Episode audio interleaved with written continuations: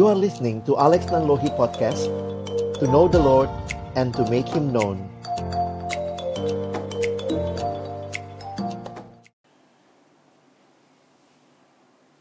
Mari teman-teman kita berdoa sebelum membaca merenungkan firman Tuhan. Biarlah pujian yang kami naikkan, hati sebagai hamba, benar-benar Tuhan dapati dalam diri setiap kami, orang-orang yang kau berikan karunia menjadi murid dan memuridkan.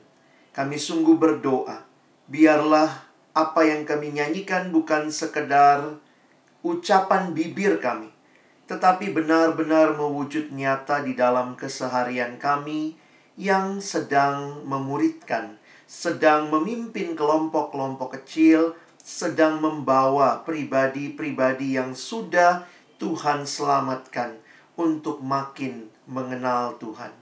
Kami sungguh rindu kesempatan kami akan membuka firman-Mu, bukalah juga hati kami, jadikanlah hati kami seperti tanah yang baik, supaya ketika benih firman Tuhan ditaburkan boleh sungguh-sungguh berakar, bertumbuh, dan juga berbuah nyata di dalam hidup kami. Berkati baik hambamu yang menyampaikan, setiap kami yang mendengar, Tuhan tolonglah kami semua, agar kami bukan hanya jadi pendengar-pendengar firman yang setia, tapi mampukan dengan kuasa dari rohmu yang kudus, kami dimampukan menjadi pelaku-pelaku firman-Mu di dalam kehidupan kami. Bersabdalah ya Tuhan, kami anak-anakmu sedia mendengarnya. Dalam satu nama yang kudus, nama yang berkuasa, nama Tuhan kami Yesus Kristus. Kami menyerahkan pemberitaan firman-Mu. Amin. Shalom, selamat sore teman-temanku, adik-adikku yang saya kasihi dalam Tuhan Yesus Kristus. Ini masih sore apa masih siang begitu ya. Nah, hari ini kita ada tema yang diberikan untuk sama-sama kita pikirkan adalah militansi dalam memuridkan.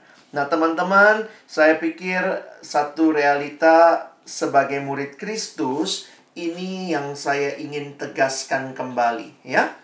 Jadi nanti saya minta next, baru kita next slide-nya. Saya coba menghayati begini. Kalau engkau mau bicara militansi, engkau harus tahu dulu apa yang menjadi tujuan dari militansi itu.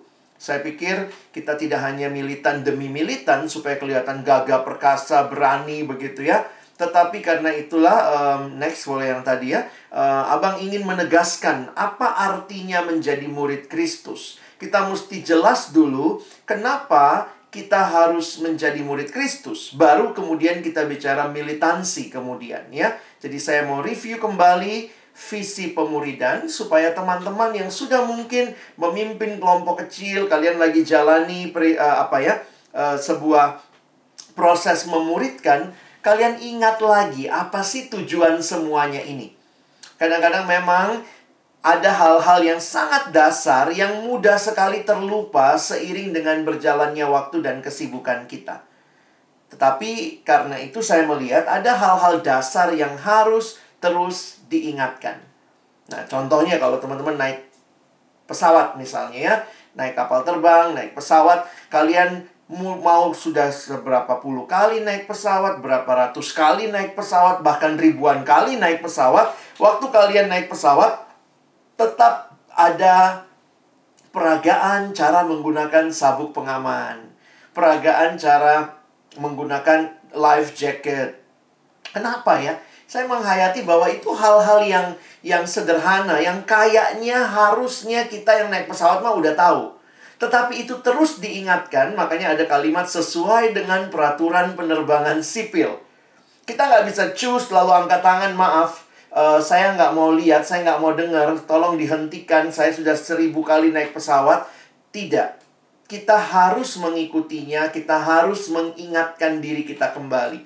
Jadi bagi saya ini menarik untuk menghayati bahwa jangan-jangan sembari kita menjalani proses memuridkan bisa jadi visi kita uh, mulai kabur begitu ya. Jadi waktu diminta militansi, diminta berkorban, muncul lagi mikir, kenapa ya gue lakuin semua ini? Nah, jadi penghayatan seperti itu. Nah, satu waktu saya naik pesawat atau naik um, ya penerbangan tapi memang dengan pesawat bukan pesawat Indonesia. Dan menarik sekali uh, pramugarinya mengatakan begini. Mungkin uh, harap Anda memperhatikan uh, petunjuk dari para awak berikut ini karena uh, mungkin berbeda dengan pesawat-pesawat yang lain. Wah, itu itu menarik tuh ya. Jadi waktu dengar begitu jadi kita jadi aduh, ini apa yang beda ya? Lihat dari awal sampai akhir taunya sama aja gitu ya. Dia hanya ingin mengingatkan bahwa uh, dia punya cara lah ya untuk get attention dari kami para penumpang. Jadi saya pikir itu penting teman-teman untuk kita mengingatkan diri kita kembali. Ada intermezzo sedikit satu waktu naik pesawat juga penerbangan lalu kemudian biasa ya pas penerbangannya lagi goyang begitu wah itu semua orang jadi inget Tuhan ya walau bumping sekali Nah, di dalam situasi seperti itu tiba-tiba ada satu anak kecil gitu ya. Saya ingat banget memecah kesunyian pesawat waktu semua lagi diam karena bumping begitu tiba-tiba anak itu ngomong, "Mama, kapan kita pakai pelampungnya?" gitu ya. Jadi itu semua satu pesawat tambah berdoa begitu ya, teman-teman. Jadi memang mengingatkan bahwa ada hal-hal krusial yang yang teman-teman dan saya harus juga pahami ya. Um, tentang kondisi kita sebagai orang-orang yang dipanggil menjadi murid. Nah, saya masuk kepada uh, satu dilema yang sering kali muncul. Next slide. Bahwa orang suka nanya, ini sebenarnya apa sih bedanya antara Kristen sama murid? Ya, apa bedanya Kristen sama murid? Nah, saya coba memberikan sedikit pemahaman tentang visi pemuridan dari perspektif ini. Kalau teman-teman memperhatikan di dalam Alkitab kita, istilah Kristen sebenarnya itu hanya muncul tiga kali di dalam perjanjian baru. Jadi, istilah Kristen hanya muncul tiga kali di dalam perjanjian baru. Kita lihat sebentar ya, next slide. Ini pertama kali muncul. Pertama kali muncul di kitab kisah Rasul, pasal 11 ayat 26. Semua ayatnya abang sudah tulis di screen, jadi teman-teman bisa sambil melihat, membaca. Kita coba baca sama-sama ya. Mereka tinggal bersama-sama dengan jemaat itu satu tahun lamanya. Mereka itu adalah Paulus dan uh, Barnabas. Di sambil mengajar banyak orang. Di Antioquia lah murid-murid itu untuk pertama kalinya disebut Kristen. Jadi sebenarnya kalau teman-teman memperhatikan istilah Kristen pertama kali muncul di kisah Rasul 11 ayat 26, makanya teman-teman nggak ketemu kitab lain, misalnya kitab Injil tidak ada kata Kristen. Karena baru di kisah Rasul. Dan perhatikan dari tata bahasa yang bisa kita perhatikan bahwa nampaknya istilah Kristen itu adalah sebutan yang diberikan kepada yang mengikut Yesus. Jadi kalau teman-teman perhatikan, mereka bukan menyebut nama mereka Kristen, tetapi mereka disebut Kristen. Sehingga para penafsir mengatakan kemungkinan besar istilah ini adalah istilah untuk menjadi ejekan bagi orang-orang Kristen di abad pertama. Mereka yang Kristen, yang hidupnya mirip Kristus. Jadi menarik ya. Kristus artinya Mesias, Mesias artinya juru selamat dan Tuhan, dan orang-orang yang mengikut Kristus ini hidupnya itu begitu menyatakan Kristus sampai mereka disebut Kristen. Ada Christ in them. Jadi, teman-teman bisa perhatikan ya, menarik sekali untuk melihat bagaimana istilah ini pada awalnya nampaknya sebuah ejekan, bulian kepada orang yang hidupnya mirip Yesus. Nah, muncul kali kedua masih di kitab kisah Rasul. Next slide. Teman-teman perhatikan di kisah Rasul pasal yang ke-26 ayat 28. Di hadapan Raja Agripa ketika Paulus bersoal jawab memberikan pembelaannya. Lalu Paulus menjelaskan kekristenan kepada Raja Agripa. Maka jawab Agripa, hampir-hampir saja kau yakinkan aku menjadi orang Kristen. Jadi ini muncul yang kedua. Yang ketiga, next slide itu di 1 Petrus 4 ayat 16. Nah, dalam konteks kitab 1 Petrus di mana ada penderitaan, maka dikatakan tetapi jika ia menderita sebagai orang Kristen, maka janganlah ia malu, melainkan hendaklah ia memuliakan Allah dalam nama Kristus itu. Dari ayat ini ada indikasi bahwa ternyata menyandang nama Kristen itu bukan se bukan sekadar menyandang nama gelar yang enak, tetapi bisa jadi ada penderitaan karena mengikuti kehendak Allah. Jadi, ketika hidup seperti yang Allah mau, hidup seperti yang Tuhan kehendaki, hidup jujur, hidup benar, maka mungkin ada penderitaan. Jadi, teman-teman, uh, ini menarik ya. Tiga kali dalam Alkitab Perjanjian Baru muncul kata Kristen, dan hanya tiga kali itu di dalam bahasa aslinya. Memang, kalau kalian searching di Alkitab bahasa Indonesia, itu muncul sampai LAI menerjemahkan sampai 6 atau 7 kali.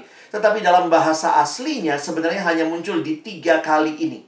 Tidak ada istilah Kristen di dalam kitab Injil. Tidak ada istilah Kristen di surat Paulus. Tidak ada. Karena munculnya hanya dua kali di kitab kisah Rasul dan satu kali di kitab satu Petrus.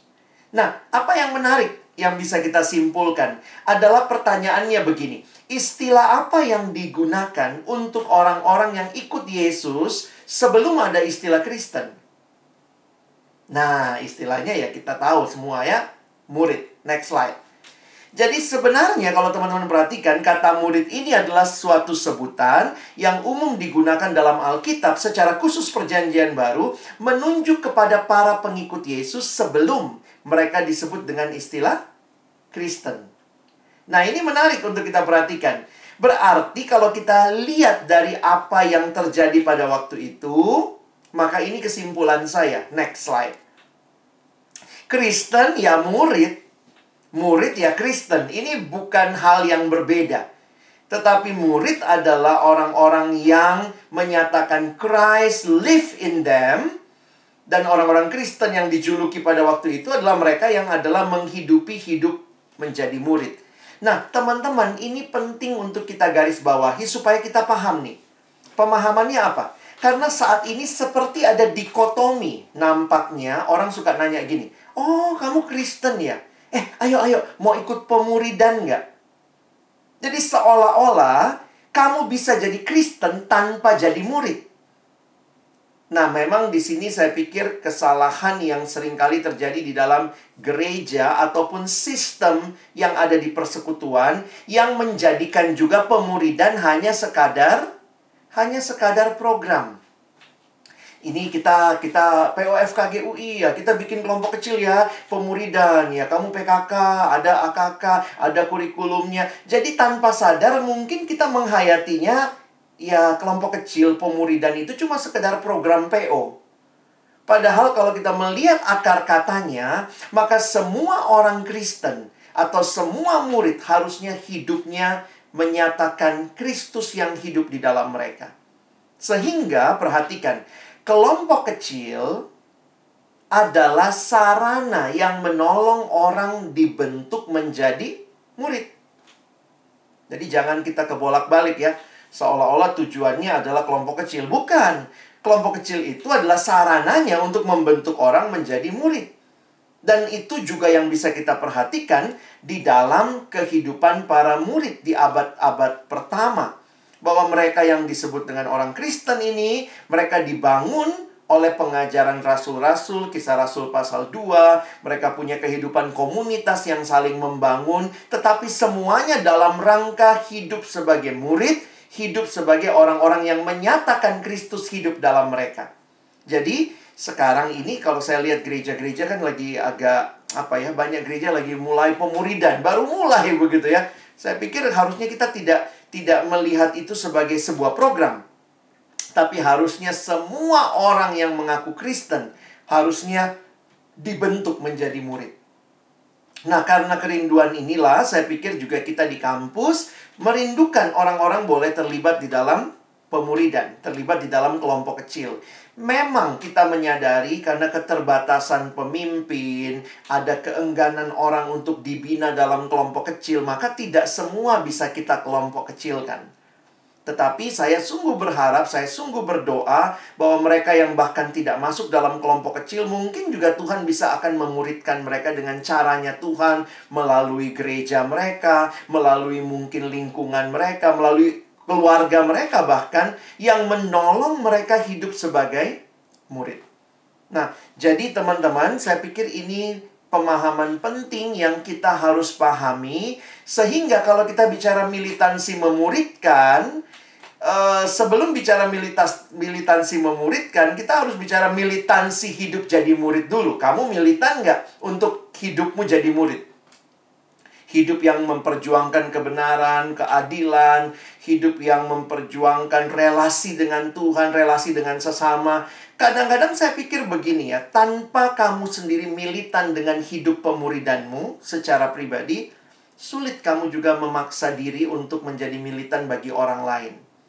Ya, saya pikir inilah yang diingatkan oleh Dietrich Bonhoeffer waktu dia mencoba menghayati Kristen dan murid. Memang dia terkesan memisahkan, tapi perhatikan kalimatnya. Next slide. Dia mengatakan begini, Christianity without discipleship is always Christianity without Christ. Jadi kalau kita cuma mau jadi orang Kristen tapi nggak mau dimuridkan, tidak mau jadi murid yang militan, teman-teman untuk bisa saat teduh terus dalam pandemi butuh militansi kan?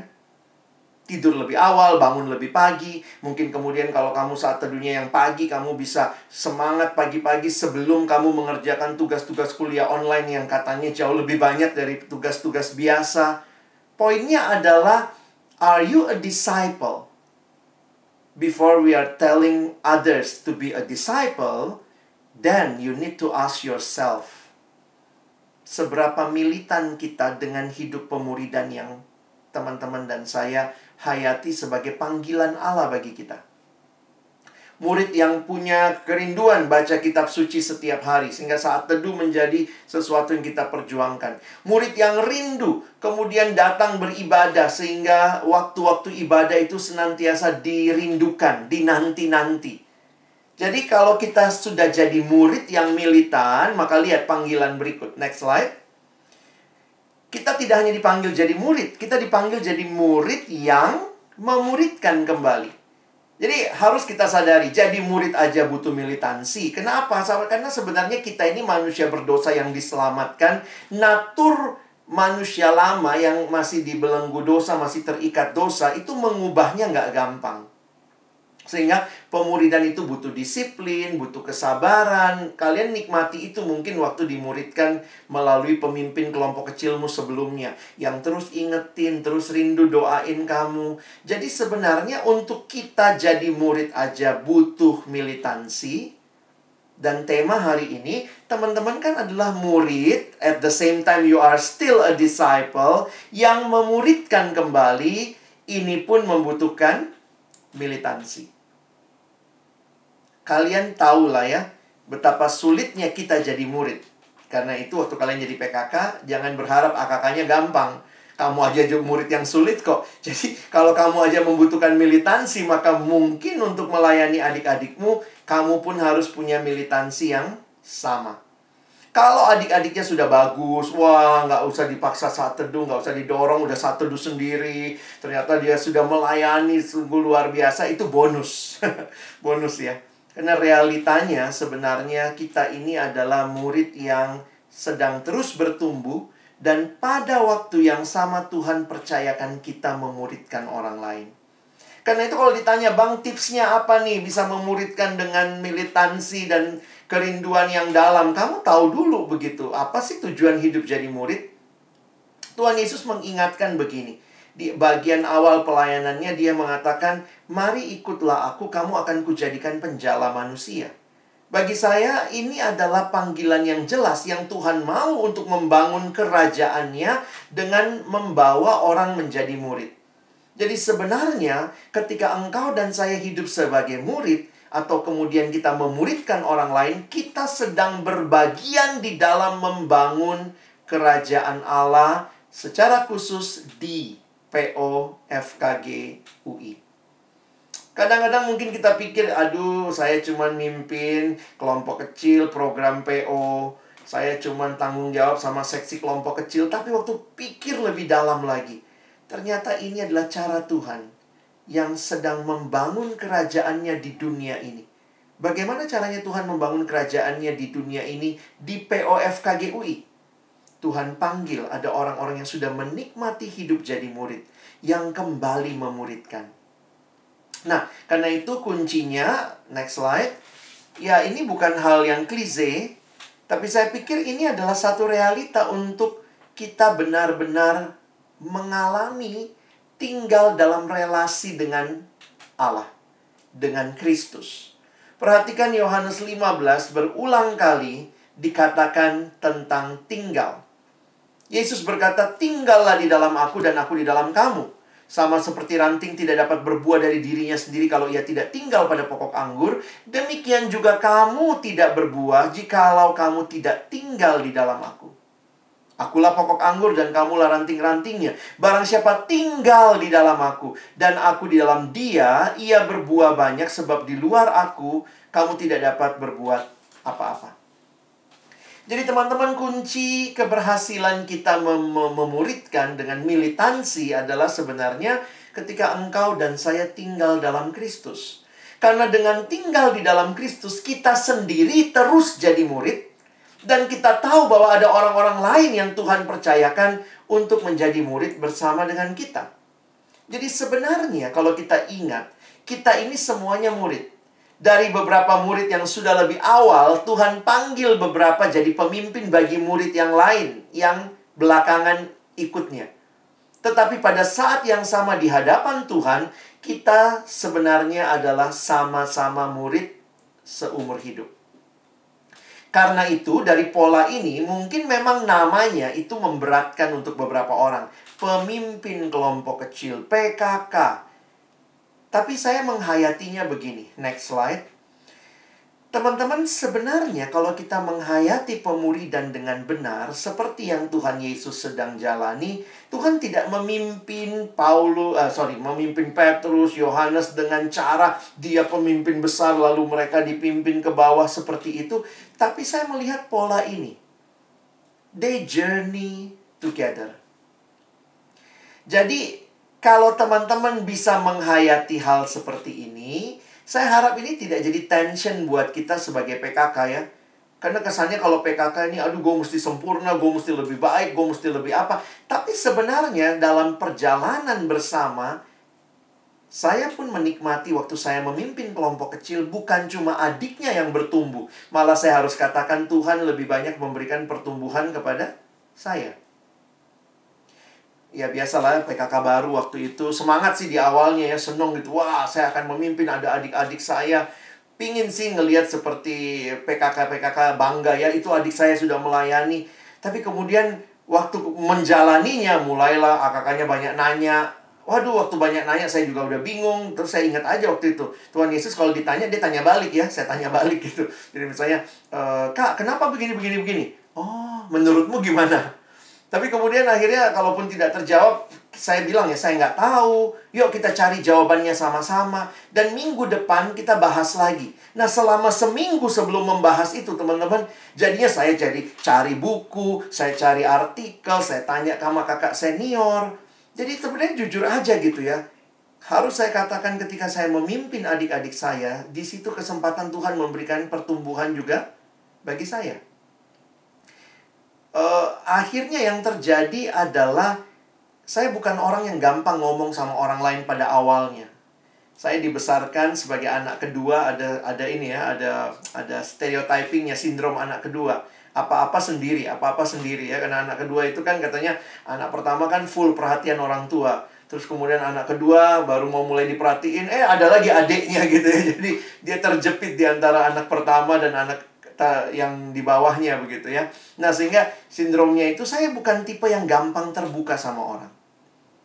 Apalagi karena saya juga bukan tipe yang gampang terbuka. Waktu jadi PKK, saya juga nggak pengen-pengen banget kepoin hidup orang begitu ya. Tapi kemudian saya jadi belajar begitu. Belajar apa? Belajar bertanya.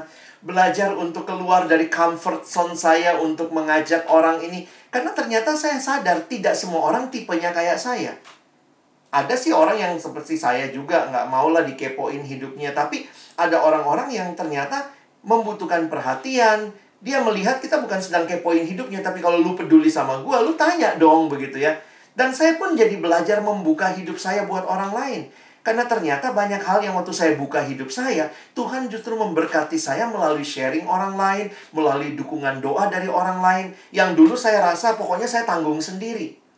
Jadi sebenarnya perjalanan bersama teman-teman harus hayati pemuridan itu bukan sekadar satu yang memimpin memimpin beberapa orang, tetapi sebenarnya sebagai pemimpin yang bisa berjalan bersama.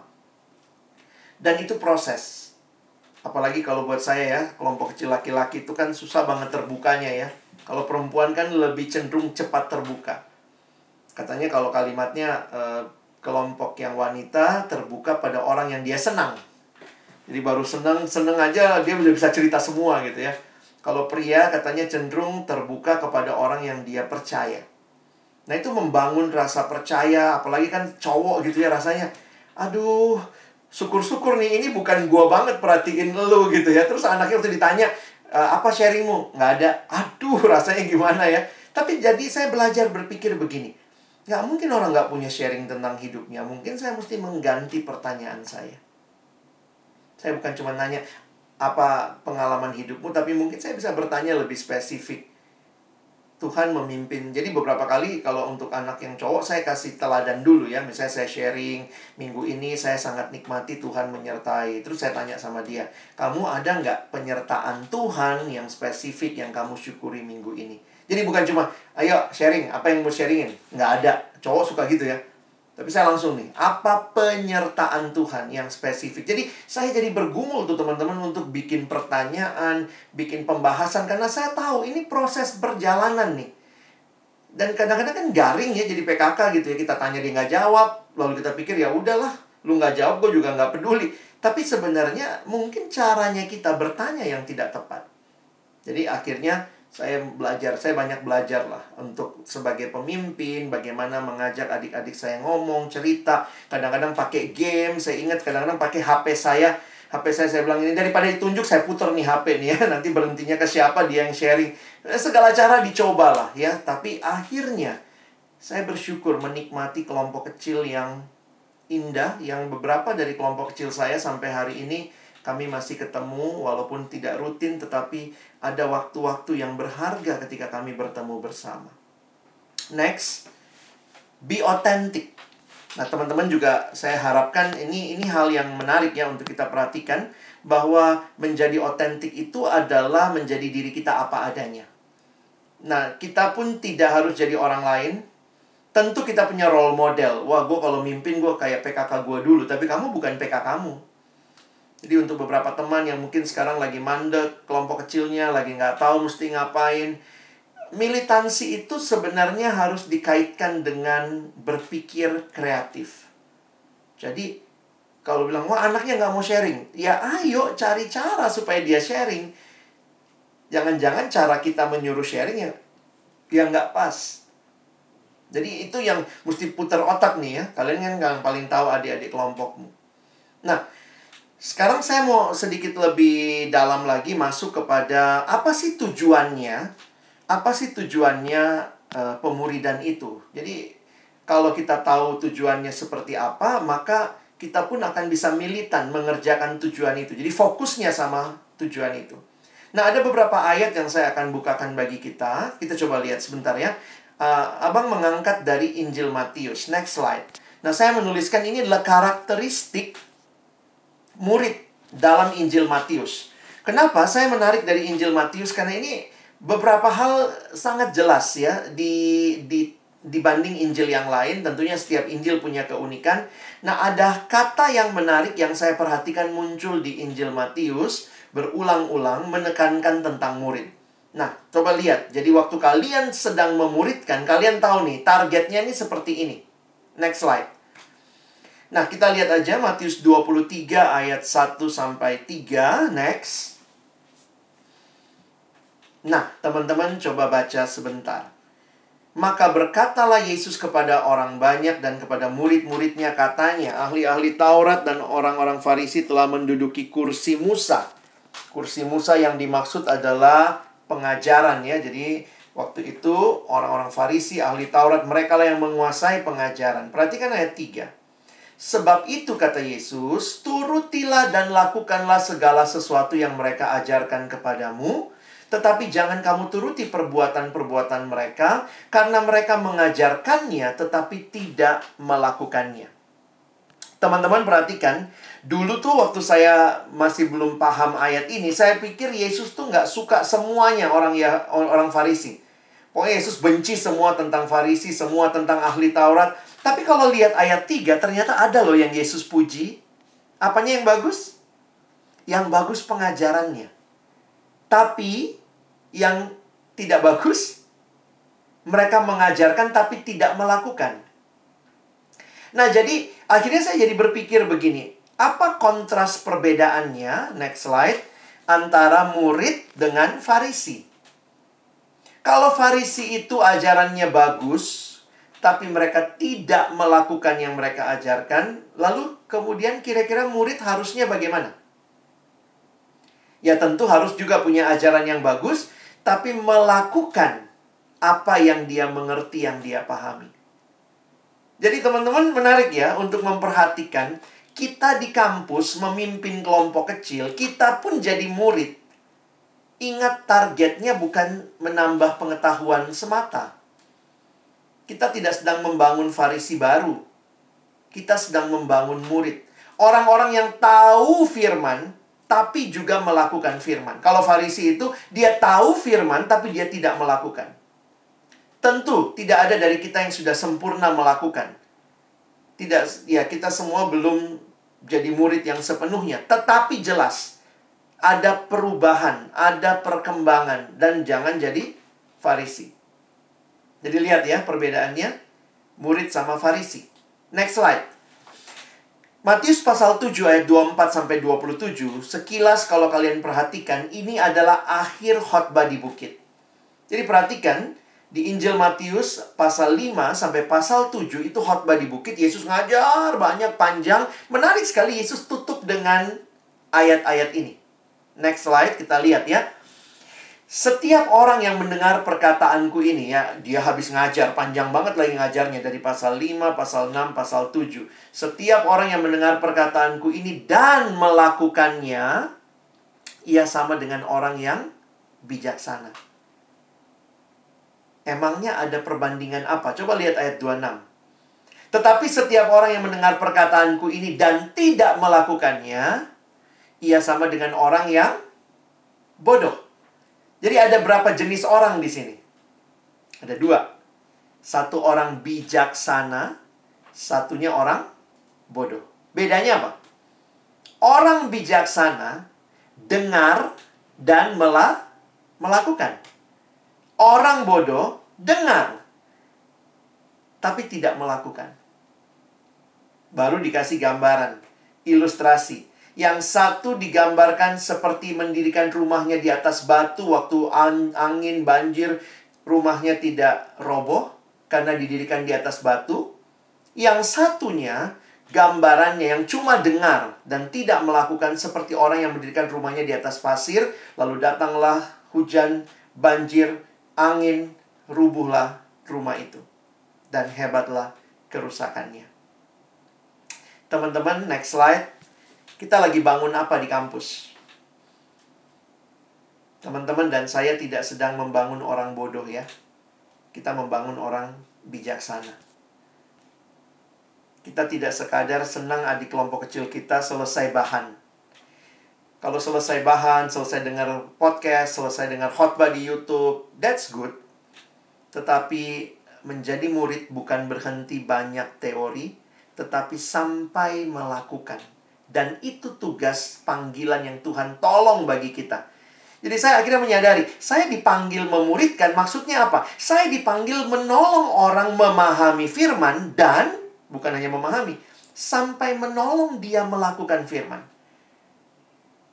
Jadi memang apa ya kalau dibilang loh kok tambah berat tugasnya. Eh, emang itu panggilannya. Karena itu sebenarnya orang yang sudah jadi murid akan mudah menolong orang lain jadi murid karena dia sudah terlebih dahulu melakukan. Walaupun kita mungkin masih jatuh bangun tertati-tati, tapi kita pun sudah ngalami sekian lama kita pernah ditolong, kita pun berdiri teguh, kita mulai terus berubah dan Tuhan panggil kita berjalan bersama dengan mereka yang sedang mau menapaki jalan pemuridan.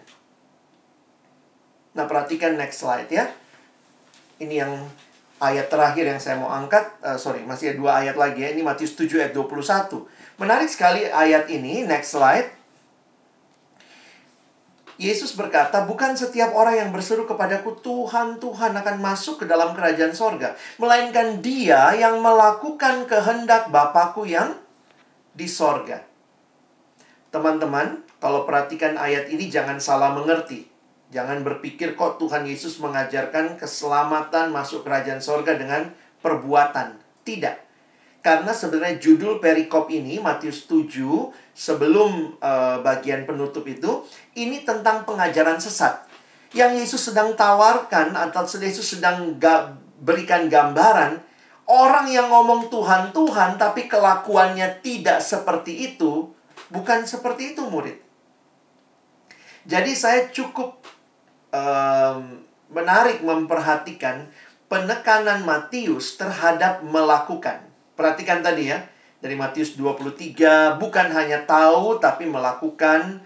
Perhatikan tadi Matius 7, bukan hanya dengar tapi juga melakukan. Dan sekarang dikatakan bukan hanya berseru Tuhan Tuhan. Bahkan ini mungkin orang-orang yang ngomongnya rohani gitu ya. Hari Minggu kalau dia kepentok, oh haleluya. Kejedot, oh maranata. Bisa sangat rohani ngomongnya. Tapi itu diuji kemuritannya dengan apakah dia melakukan kehendak Bapa yang di surga. Jadi lihat uh, diagram ini. Next slide. Saya mengkontraskan teman-teman dan saya sedang jadi murid. Murid itu orang bijaksana, orang yang mendengarkan firman, mengajarkan firman, berarti tahu firman, tahu kebenaran, dan melakukan. Biarlah kita jadi murid, dan kita sedang menolong orang lain jadi murid. Nah, makin sadar saya kalau sudah begini, mau bilang apa? Mesti militan nggak? Kamu tahu kan betapa sulitnya jadi murid? Tapi Tuhan panggil kamu yang sedang berjuang jadi murid. Berjalan bersama orang lain. Mari dengan militan kita juga doakan mereka. Dampingi mereka. Mengontak mereka. Mungkin sulit dalam masa pandemi ini ya. Kita perjuangkan. Kadang-kadang kalau orang bilang sulit, ya pertanyaan saya sebenarnya seberapa jauh per perjuangan kita nggak dibales kak oke kalau nggak dibales apa apa yang bisa kita lakukan kita doakan mungkin beberapa hari lalu kita kontak mungkin nggak cuma wa kita telepon kalau perlu ada ada hal-hal yang saya pikir ya itu itu perjuangan tiap orang beda-beda ya. Saya nggak bisa menghakimi kamu kurang berjuang hanya karena kamu nggak telepon. Tapi saya harus katakan kamu yang paling kenal adik kelompokmu. Dan harusnya pengenalan itu melahirkan usaha yang militan memperjuangkan bahwa ini penting untuk menjadi murid. Saya tidak tahu berapa lama kita bisa di kampus memuridkan, menjadi murid dan memuridkan. Mungkin terbatas waktunya ya. Tapi dalam waktu yang terbatas itu kalau kita pun nggak berjuang, oh gimana lagi teman-teman. Nah saya tutup dengan ayat terkenal ini. Next slide. Matius 28 ayat 19 dan 20. Next. Kalimatnya karena itu, Yesus berkata ya pada murid-muridnya, karena itu pergilah. Jadikanlah semua bangsa muridku dan baptislah mereka dalam nama Bapa dan Anak dan Roh Kudus dan ajarlah mereka segala teori kekristenan. Nggak gitu ayatnya ya. Tujuan akhir pemuridan bukan mengajarkan pengetahuan belaka, tetapi mengajarkan mereka melakukan segala sesuatu yang telah kuperintahkan kepadamu. Saya pikir ini pekerjaan yang luar biasa sulit. Karena ngasih tahu tuh gampang. Kalau kalian mau kelompok kecil gampang, cuman bahas bahan, bikin aja hari ini bab 1. Besok bahas bab 2, lusa bab 3. Cuma butuh 12 hari kalau kalian pakai MHB selesai itu semua bab. Tapi kan bukan begitu hidup jadi murid kita bahas bab satu minggu ini. Maka sepanjang minggu ke depan kita sama-sama berjuang melakukan. Makanya beberapa pemimpin kelompok kecil kasih proyek ketaatan. Ayo lakukan ya. Coba nih, minggu ini kita udah belajar pentingnya saat teduh. Yuk, saat teduh sama-sama. Coba tulis saat teduhnya ya, minggu depan kita share. Kalau dia masih gagal minggu depan, kita bilang, yuk coba lagi minggu seminggu ke depan. Nanti aku ingetin ya, aku WA pagi-pagi ya, udah bangun belum saat teduh. Sebenarnya kita targetnya itu bukan ngajarin materi. Kalau materi kasih aja bukunya, selesai kamu baca, isi semua pertanyaan, kirim ke saya, oke kamu selesai kelompok kecil. No, we are walking together, journeying together untuk bersama-sama bertumbuh dalam kebenaran. Karena itu ayat ini bagi saya sangat luar biasa. Ajarlah mereka melakukan. Tuhan Yesus pun mengingatkan murid-muridnya. Dan karena tidak mudah, perhatikan di bagian akhir ada janji penyertaan. Dan ketahuilah, aku menyertai kamu senantiasa sampai kepada akhir zaman. Saya pikir kalau lihat ayat ini, ayat ini dalam konteks dekatnya penyertaan Tuhan. Penyertaan Tuhan untuk apa? Kalau lihat ayat ini, kadang-kadang orang ngutip ya, wah aku baru selesai ujian nih. Uh, ya Tuhan punya janji, aku menyertai kamu sampai akhir zaman. Kalau kamu mengerti betul konteks ayat ini, maka penyertaan Tuhan sampai akhir zaman berlaku untuk untuk setiap orang yang sedang jadi murid dan berjuang memuridkan. Waktu kamu menjangkau, menjadikan semua bangsa murid, mengajar mereka melakukan segala sesuatu. Janjinya Tuhan, aku menyertai kamu senantiasa sampai kepada akhir zaman. Janji penyertaan Tuhan bukan berarti kita stop militansi. Justru dalam militansi kita melakukan tugas yang tidak mudah ini dan kekuatan yang dari Tuhan itu cara yang Tuhan pakai membangun kerajaannya di dalam generasi ini. Satu waktu ada PKK nanya sama saya. Kadang-kadang mikir gini bang ya kayak buang waktu ya. Megang kelompok kecil dan segala macam. Waktu itu dia sudah pra alumni saya bilang. Sebenarnya bagus juga kamu masukkan CV-mu ya. Di CV masukkan pemimpin kelompok kecil mungkin kesannya kayak ah kurang receh banget gitu. Ya ampun bukannya ikut seminar apa seminar apa. Tapi memimpin kelompok kecil itu kalau kita hayati dengan dalam dia bilang tapi masa dimasukin bang? Saya bilang kalau nggak tulis di situ. Uh, saya berbagian membangun kerajaan Allah. Wah luar biasa kalau masuk di CV kita ya. Membangun kerajaan Allah. Melalui apa? Melalui menjadi pemimpin kelompok kecil.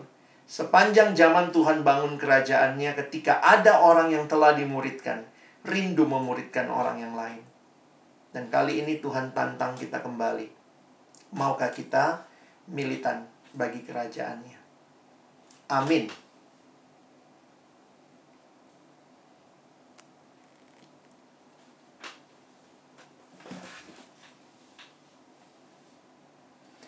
Silakan kalau ada teman-teman yang mungkin punya pertanyaan, saya persilakan.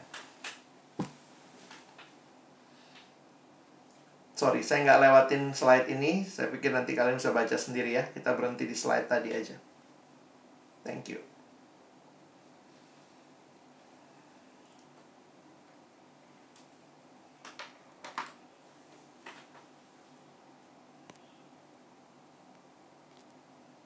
Uh, terima kasih kepada Bang Alex. Uh, buat teman-teman kakak-kakak yang masih ada pertanyaan bisa langsung taruh di chat room ya. Masih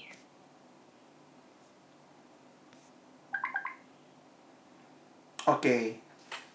Ini ada beberapa pertanyaan yang sudah ada juga ya. Jadi sambil mungkin yang di chat room juga bisa nambahin, saya coba jawab uh, sekilas ya. Maksudnya karena saya juga sudah dikasih pertanyaannya jadi saya coba bahas ya. Aku sangat bertumbuh dan menikmati jadi AKK. Nah, kemudian dulu aku ditawarin jadi PKK karena pengurus. Waktu penjawaban agak bingung jawab apa, tapi akhirnya iya walaupun setengah hati. Aku bingung mau ngomongin apa dan kurang menikmati jadi PKK karena suka awkward mau ngomongin apa. Gimana ya, Bang?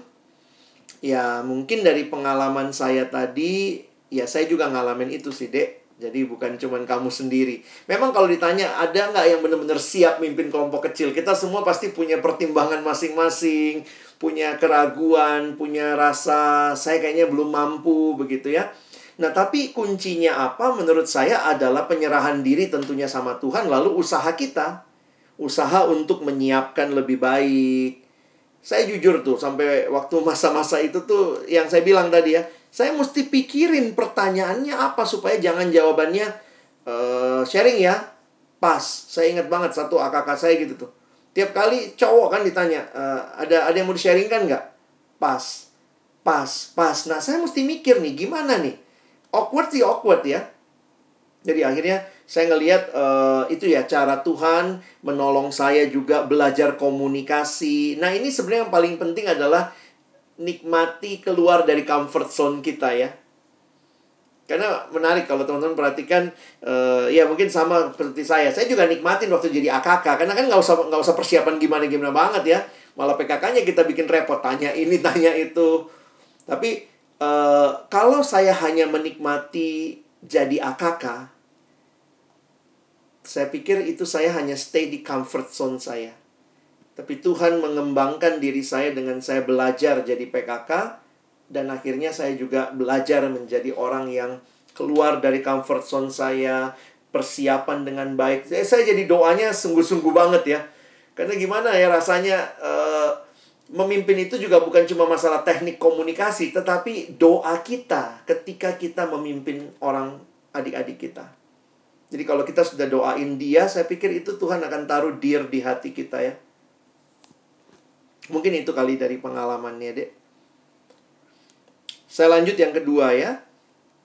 Bang, bagaimana supaya persiapan memberi bahan maksimal untuk membawa Injilnya, bukan soal proyek rame-rame ketaatannya. Tentu proyek ketaatan penting untuk kita buat, tapi kan harusnya itu lahir dari pemahaman akan firman. Nah, makanya teman-teman perlengkapi diri kalau jadi PKK ya. Bukan hanya siapin pertanyaan atau jawaban atas pertanyaan di materi, tetapi coba PA-kan perikopnya. Nikmati. Nah, mungkin kalian bisa, sekarang banyak banget ya, kalian bisa ke YouTube, kalian bisa ke mana untuk mendapatkan materi-materi bagaimana menggali Alkitab dengan baik. Kalau kalian mau cari juga di YouTube saya ada beberapa materi soal PA, Lalu sekarang ada website atau sorry, YouTube Bible Project. Saya pikir itu menolong. Apalagi dengan visual begitu rupa itu sangat menolong untuk kita bisa mendalami kebenaran firman. Jadi saya sih menghayati ya, iman bertumbuh dari pendengaran akan firman Tuhan. Jadi karena itu sebagai PKK yang baik, persiapkan diri memberitakan firman dengan penggalian yang baik, yang bertanggung jawab, dan nikmati juga kali komunitas ya. Teman-teman kan pasti punya teman-teman sesama PKK. Harusnya bisa saling share ya, bikin grup kali ya. Eh, percakapan tingkat gembala misalnya. Eh lu gimana kemarin waktu PA ini? Lu bagian apa buat AKK lu? Nah, bisa jadi itu hal-hal yang kita bisa share satu sama lain. Itu yang kedua ya. Bagaimana PKK bisa mengevaluasi kelompok kecil dan juga AKK-nya tanpa mengingat itu sebagai proker, tetapi sebagai pertumbuhannya. Ya sama, mungkin ini terus mengingatkan diri ya, kita sedang berjalan bersama. Kita sedang berjalan bersama. E, di sisi yang lain saya melihat kalau demikian e, memang sih kita butuh relasi teman-teman ya kalau mau mengevaluasi dengan tidak menghakimi, tidak sekadar untuk uh, apa tuntutan proker, bagi saya kita mesti punya relasi yang dalam. Dan relasi yang dalam itu teman-teman tetap hayati begini ya. Saya tidak meng, saya tidak um, apa ya? Saya tidak mengkategorikan bahwa relasi yang dalam hanya kalau kelompoknya sering ketemu. Poin saya relasi yang dalam bisa begini juga. Kalian memimpin kelompok, tapi ingat sebenarnya sembari memimpin kelompok, perhatian kita kepada setiap individu di dalam kelompok. Jadi poinnya apa? E, mungkin perlu juga teman-teman dalam situasi seperti ini kan kita jadi lebih ngerti ya. Ternyata bisa ya komunikasi dengan AKK tiap hari. Kan bisa aja kan kita sharing saat teduh, kita WA pribadi, kita mungkin telepon bentar, eh gue mau doa sama lu 5 menit gitu ya, kita telepon yuk kita doa bareng gitu. Jadi nggak usah yang terlalu awkward gimana, tetapi uh, membagi hidup itu bagi saya akhirnya saya makin sadar gini ya. Dalam masa pandemi ini ketika semua kita bisa terhubung online, yang kan tinggal dia hanya sebatas klik ya, tinggal ngeklik gitu. Uh, ya cuman cuman orang yang malas kali ya yang tidak berjuang kira-kira untuk memanfaatkan apa yang sudah ada.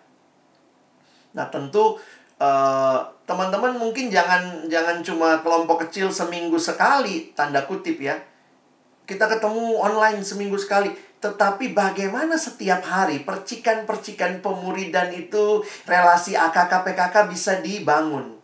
Mungkin sederhana aja, apa kabar pagi ini, ada yang mau didoain, atau sudah, mungkin besok kita share, gue lagi baca ini, gue seneng banget, indah. Mungkin kalau kita mau personal, maka chat pribadi. Begitu ya. Jadi bukan sekadar sebagai kelompok. Jadi nikmati itu sebagai perjalanan, itu akan sangat indah.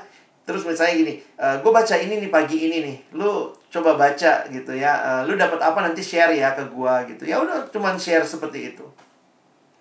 Saya melakukan itu dengan beberapa orang hampir setiap hari. Jadi, walaupun mereka bukan AKK saya dalam kelompok, tetapi saya pikir ada orang yang dekat sama saya, dia bisa balas WA, kadang-kadang dia balasnya juga mungkin siangan, saya WA pagi, tapi kami punya komunikasi. Dia punya pergumulan, saya doain, saya punya pergumulan, dia doain, padahal dia masih mahasiswa, saya sudah sudah umur begini ya. Tapi saya menikmati, berarti bisa gitu. Ada relasi itu bisa, tinggal kita mau atau tidak membangunnya. Awkward nggak? Awkward awalnya. Saya apalagi udah tua begini gitu ya. Tiba-tiba de deketin mahasiswa, mungkin dia pikir, kenapa sih om-om ini WA aku tiap hari gitu ya. Tapi karena saya tulus aja WA, saya tanya apa yang mau didoain, beberapa hari sekali saya kirim artikel, saya kirim terus kita ngobrol bareng. Saya pikir iya ya, persahabatan itu nggak kenal usia ya dan kita bisa bertumbuh bersama. Sejauh mana sejauh apa PKK boleh mengintervensi kehidupan rohani AKK-nya? Apakah melulu harus diingatkan atau cukup didoakan atau dimarahin boleh? Kamu yang paling kenal AKK kamu sih. Saya juga nggak bisa bilang satu teori aja, tapi jadi gini kali ya. Kalau kita ngelihat mereka sebagai teman perjalanan. Dan di dalam Alkitab saya ada beberapa gambaran ya di Alkitab tuh ada gambaran uh, gembala domba. Nah, itu memang yang paling sering kita pakai. Makanya kita selalu ngomongnya gembala itu yang memimpin, domba itu yang dipimpin. Nah, cuma juga ada gambaran tentang tentang orang tua anak. Itu muncul di kitab 1 Tesalonika. Paulus bilang kami itu seperti ayah yang menasehati kamu, seperti ibu yang merawat kamu, mengasuh kamu. Jadi bapak itu ada sisi tegasnya, ibu itu ada sisi lembutnya. Jadi saya melihat Paulus tuh ya tarik ulurnya tuh di situ tuh. Kadang-kadang mungkin dia marahin beberapa surat itu tegas banget. Ini kalau orang nggak ikutin ajaran ini terkutuklah dia. Tapi di surat lain misalnya dia bilang terimalah Onesimus kembali. Atau dia bilang kepada jemaat di Filipi, aku mendoakan kamu loh. Doaku adalah supaya kasihmu. Jadi teman-teman kalau kita melihat AKK kita sebagai orang yang ya menemani perjalanan kita atau kita lihat sebagai adik rohani atau kapan-kapan kita lihat sebagai anak rohani, maka kalian yang tahu apa yang harus dilakukan, tentunya dengan hikmat dari Tuhan. Saya pernah marah sama AKK? Pernah. Tapi memang sesudah relasi cukup dalam. Saya marahinnya kenapa? Karena mereka setiap kali saya datang dulu anak SMA yang saya pimpin ya, teman-teman. Setiap kali saya datang, Uh, masih main main bola gitu ya terus kemudian kak bentar kak bentar dia main bola dulu gitu ya tahu-tahu udah sejam berlalu gitu terus mulai kelompok kecil jadi dulu kami rencana kelompok kecil jam satu saya datang jam satu tuh ke sekolahan eh mereka main dulu sampai jam 2 gitu ya jam 2 mulai kelompok kecil jam 3 semua udah lihat-lihat jam mau bimbel kak mau bimbel kak gitu ya jadi akhirnya saya marah waktu itu saya bilang, eh, saya datang persis jam 1. Sebelum jam 1 saya udah ada depan sekolah sebelum gerbang buka. Kalian boleh pilih, masih mau kelompok kecil atau tidak ya. Tapi itu setelah kami jalan sekitar satu tahunan, saya berani tegas sama mereka. Saya bilang, kalau kalian tidak mau dipimpin, nggak masalah. Kak Alex bisa pergi ke kampus lain, eh, ke sekolah lain, saya bisa memimpin di sana. Wah, terjadi pertobatan. Tapi sebenarnya saya udah doain tuh ini kok tiap minggu didoain begini aja, uh, tidak serius, tidak apa. Nah, saya pikir itu kesempatan dan sampai hari ini kami masih deket begitu ya, karena menjalaninya saya pernah marah, saya pernah jadi seperti teman buat mereka, saya pernah nemenin mereka main time zone. Saya ingat dulu karena mimpin anak SMA gitu ya, dia ke time zone ya saya ikut gitu. Saya ngapain? Saya jaga tas. jadi mereka main, gue jaga tas gitu ya.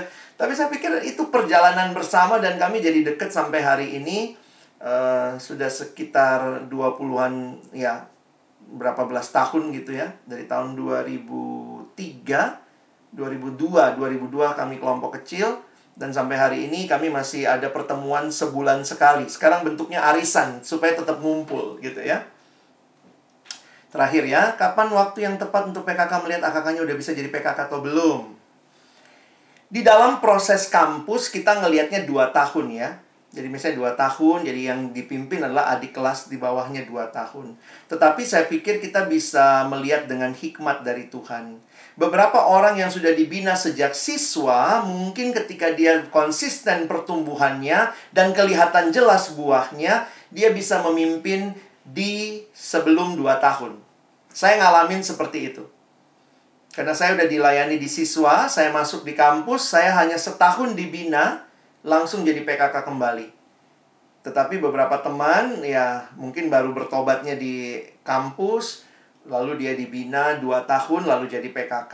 Ada juga sudah dibina 2 tahun, tetap dianggap nggak siap. Jadi PKK ini sebenarnya orang yang paling tahu, paling deket jadi harusnya PKK benar, saya setuju nih. Kapan waktu tepat untuk PKK melihat? Jadi jangan biarkan seksi kakak yang melihat. Sebenarnya harusnya seksi kakak bertanya kepada PKK, AK kamu yang mana yang sudah siap? Dan kesiapannya itu apa? Saya pikir banyak faktor ya. Kesiapan itu berkaitan dengan sebenarnya disiplin-disiplin rohani dasar dia, kerinduan dia bertumbuh. Jangan kalau bilang jatuh bangun, kita tuh semua jatuh bangun. Jadi jangan berpikir kita harus mencari orang yang nggak pernah jatuh, nggak bisa. Tapi carilah orang yang ketika dia ngalamin pergumulan, kejatuhan, dia terus bangkit dan cari Tuhan. Itu itu yang saya bilang orang yang terus mau bertumbuh. Nah, dalam anugerah Tuhan, biarlah Tuhan menolong kalian juga memutuskan ini udah siap atau belum. Saya pernah mengatakan kepada AKK saya, atau beginilah, jangan AKK saya, saya sendiri nih. Waktu itu kenapa saya saya dibilang jadi PKK kan waktu dibilang jadi PKK kan takut juga ya baru setahun dibina langsung jadi PKK. Satu sisi bangga sih, Cia udah dibina dari siswa. Teman-teman saya semua masih jadi masih jadi AKK, saya udah disiapin jadi PKK tuh. Tapi kemudian saya ingat sekali pemimpin kelompok kecil saya bilang gini. Oke, nanti selama sembari kamu jadi PKK, kakak kita tetap jalan ya. Jadi saya tetap di mentor jadi saya punya kakak ke atas itu setiap minggu dan saya punya kakak ke bawah ke adik-adik setiap minggu. Jadi buat teman-teman yang mungkin sudah dibina atau apa tapi kalian bisa tetap ikutin kelompok kecil dengan tetap dipimpin dan memimpin ke bawah. Jadi kalau ditanya kapan waktu yang tepat, lihat kondisi anaknya sudah siap atau tidak. Dan bagaimana melihat kesiapannya, Ya tentu kalian sebagai PKK bisa lihat kan kita bahas doa saat teduh, kita bahas hidup bersama, kita bahas tentang tentang bagaimana mencari kehendak Tuhan. Apakah dia bertumbuh dalam hal-hal seperti itu? Dan kalau terlihat jelas, maka percayakan dia memimpin. Tetapi kalau masih bisa, maka waktu dia memimpin pun ada yang mendampingi. Nah, kira-kira itu.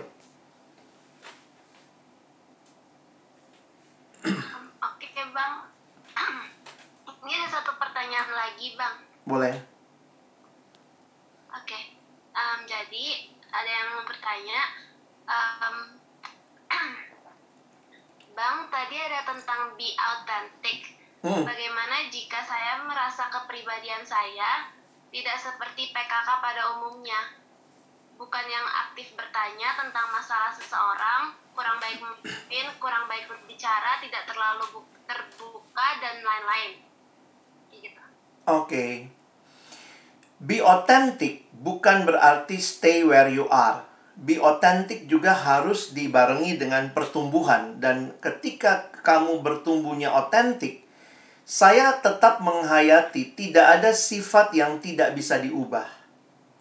Karena saya menghayati um, apa ya?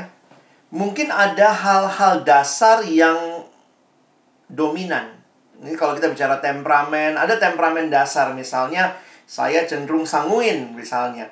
Ada yang cenderung flekmatik begitu. Nah, jadi itu temperamen dasar yang mungkin dominan tetapi bukan berarti. Nah, ini kadang-kadang suka begini. Ada jadi ini saya cerita pengalaman lah ya. Saya dulu kan uh, apa ya saya saya seorang sanguin kira-kira begitu kan. Uh, mungkin kalau kalian yang agak bingung ini ini sebenarnya pembagian yang lama tapi ini menolong aja karena sekarang ada pembagian yang MBTI yang lebih bagus begitu ya. Tapi ini kan gambarannya kalau orang yang sanguin itu um, ini gambarannya katanya kalau rumah kebakaran itu kelihatan tuh temperamennya anggaplah ada rumah kebakaran, maka sanguin itu akan lari-lari. Woi, kebakaran, kebakaran gitu ya. Karena sanguin itu pengen semua orang tahu dari dia. Jadi, woi, kebakaran, kebakaran gitu ya. Makanya kalau kalian punya teman sanguin, uh, kalimat pembukanya suka gini. Eh, tahu nggak? Eh, tahu nggak? Itu ciri-ciri sanguin tuh. Jadi dia pengen orang tahu dari dia. Nah, yang kedua, yang kolerik, ini pekerja keras. Lihat kebakaran, dia langsung ambil ember, dia siram kebakaran kok lari-lari gitu ya karena sanguin lari-lari ya lalu melankolik yang melankolik di pojok nangis kebakaran gitu ya. Karena sangat sangat lembut perasaannya. Lalu kemudian yang satu flekmatik datang. Si cuek. Dia lewat. Oh kebakaran. Terus dia jalan lagi gitu. Nah bayangkan satu peristiwa diresponi dengan empat cara yang berbeda. Nah, saya harus katakan, tentu ada kepribadian dasar yang utama. Tetapi itu bukan menjadi penghalang atau kita stay where we are. Orang yang sanguin, kelihatannya cerah ceria, bisa menyapa semua orang, dia ingat nama semua orang, tapi juga mungkin dia gampang lupa. Dia ingatnya pada waktu itu. Itu biasanya kecenderungannya sanguin dia ingat waktu itu tapi waktu udah lewat dia lupa namanya mungkin begitu nah saya ngalamin sebenarnya kan kalau kita dibagi-bagi dalam pelayanan harusnya kan kita setiap kita di bagian yang terbaiknya kita ya tapi waktu itu dalam situasi tertentu di pelayanan di kampus di FISIP saya anak FISIP saya diminta jadi bendahara nah bayangkan orang sanguin jadi bendahara semua yang minta duit, ada yang minta kasih, kasih, kasih, kasih gitu ya. Dan saya lupa catet. saya lupa nyatetnya gitu. Dan saya bisa berlindung di balik, gue memang sanguin. Kenapa gue suruh lu suruh gue gitu ya? Uh, ya gue gue memang jadi saya ingat banget tuh rapat panitia terakhir saya bilang sama teman-teman teman-teman tolong dong yang pernah dapat duit dari saya jangan lupa ingetin saya ya karena saya lupa nyatet beberapa teman begitu jadi dalam be authentic saya dan saya menerima kepribadian temperamen dasar saya, saya nggak bisa stay where I am. Saya memang saya memang nggak teliti mau apa, jadi nggak bisa begitu. Saya yang punya kecenderungan tidak teliti, saya harus belajar lebih teliti. Kenapa? Itu bagian dari saya mengalami pertumbuhan juga di dalam ketelitian. Nah, saya ingat banget adalah begini. Yesus itu temperamennya apa ya? Coba, Yesus kira-kira apa? Sanguinnya ada. Bayangkan bisa khotbah depan 5.000 orang, pasti sanguin tuh. Kolerik, iya juga. Dituliskan Yesus berkeliling semua kota dan desa. Melankolik, iya juga. Dia lihat batu nangis. Eh, di balik batu ada Lazarus mati ya. Tapi dia melihat batu itu Yesus menangis begitu. Dan terakhir dibilang cuek, dia cuek juga tuh sama orang-orang Farisi ahli Taurat ya. Dia bilang kamu ini kubur yang dilabur putih begitu sarkasmenya gitu ya. Nah, jadi saya akhirnya menyadari Yesus itu sebenarnya yang mana? Nah, menariknya Yesus itu adalah kekuatan semua karakter tadi disatukan. Jadi, saya harus menghayati Alkitab tidak meminta saya jadi sanguin yang Kristen. Alkitab tidak minta saya jadi flagmatik yang Kristen. Alkitab meminta saya menjadi seperti Yesus. Dan karena itulah, sejak saya mengerti hal itu, saya be authentic, tetapi saya tidak stay where I am, karena saya approaching Christ. Saya memang gak suka perhatiin orang, jujur, itu kan itu saya, bukan cuman kamu ya. Abang nggak suka perhatiin orang. Kenapa? Saya dibesarkan I can do my own things. Tapi Yesus yang saya pelajari di Alkitab, itu Yesus yang memperhatiin orang. Jadi saya nggak bisa bilang, ah, itu Yesus. Yo, saya nggak mau. Saya belajar memperhatikan orang. dalam beberapa hal saya belajar. Untuk bersuka cita itu karena kayak melekat dengan sanguin, gampang banget dipelajari bersuka cita. Tetapi untuk teliti, untuk belajar peduli lebih dalam sama orang, mau kepoin hidup dia untuk didoakan, saya jujur saya belajar banyak. Jadi, dalam tipe-tipe temperamen dasarmu, ada hal-hal yang sangat kamu. Tetapi never stay di situ. Ingat, kamu harus jadi seperti Yesus. Yesus peduli pergumulan murid? Peduli. Gue gak terlalu suka dicampurin hidup gue. Oh, Yesus nyampurin hidup orang.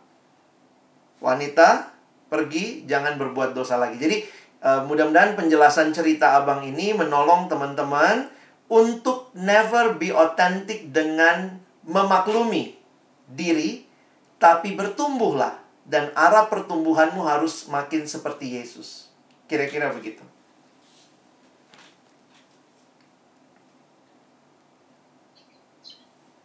Uh, baik, terima kasih uh, Bang Alex untuk uh, jawaban dari semua pertanyaan-pertanyaannya. Dan di room chat uh, tidak ada pertanyaan, berarti udah jelas ya kakak-kakak dan teman-teman Oke, jadi kita sekarang mau masuk ke sharing, tapi sebelum kita masuk ke sharing, kita tutup uh, firman Tuhan ya. Uh, dipersilakan kepada Bang Alex untuk menutup firman. Oke, teman-teman, uh, setelah ini masuk room sharing, saya minta maaf, saya pamit duluan untuk persiapan pelayanan. Jadi saya akan menutup dalam doa. Tolong sesudah ini, biarlah di room sharing kita lebih dalam lagi bisa share, bisa saling mendukung dan mendoakan ya. Mari kita berdoa. Bapak Surgawi, terima kasih banyak kami belajar sore hari ini apa artinya menjadi murid. Apa artinya memuridkan? Apa artinya menjadi murid yang memuridkan? Dan semua itu membutuhkan militansi. Engkau telah memberi teladan demi memuridkan umatmu. Engkau mati bagi kami, memberikan segalanya bagi kami. Dan saat ini Tuhan panggil kami memuridkan adik-adik kami, teman-teman kami, menemani perjalanan mereka sebagai murid. Biarlah kami tidak kehabisan akal, kami tidak kehilangan semangat, kami tidak menyerah dengan mudah. Tapi benar-benar melihat kehidupan pemuridan ini sebagai sesuatu yang layak diperjuangkan. Karena kami bersyukur Engkau melibatkan kami untuk membangun kerajaanmu di kampus kami. Sekali lagi terima kasih hambamu selesai berbicara. Tapi hamba berdoa teruslah berbicara dalam hati dan kehidupan setiap adik-adikku. Mereka yang sedang lesu, Tuhan bangkitkan semangat mereka. Mereka yang mungkin masih ada dalam comfort zone mereka, ingatkan untuk berjuang, berserah kepada Tuhan, keluar dari comfort zone bagi kami yang mungkin bergumul dengan diri kami masing-masing, dengan karakter kami, dengan kepribadian kami. Tolong kami juga keluar dari hal-hal seperti itu yang menghambat kami jadi murid yang memuridkan dan meneladani Kristus yang mengasihi, yang lemah lembut, yang berjuang juga untuk murid-murid yang Engkau kasihi. Tuhan, Kau memberikan teladan dan biarlah kami meniru teladanmu. Kami sekali lagi bersyukur menyerahkan waktu selanjutnya, waktu kami dalam room, uh, breakout room, biarlah kami benar-benar juga bisa mendiskusikan lebih jauh, mengaplikasikan, dan menyemangati satu sama lain serta saling mendoakan. Kami sekali lagi bersyukur untuk pertemuan siang sore hari ini. Terima kasih buat firman, setiap pujian yang menyegarkan kami, dan kami percayakan hidup kami sepenuhnya di dalam tangan pengasihanmu. Kami menutup perenungan firman Tuhan di dalam satu nama yang kudus. Nama Tuhan kami Yesus Kristus, penebus dan juru selamat kami yang hidup kami sudah berdoa. Amin.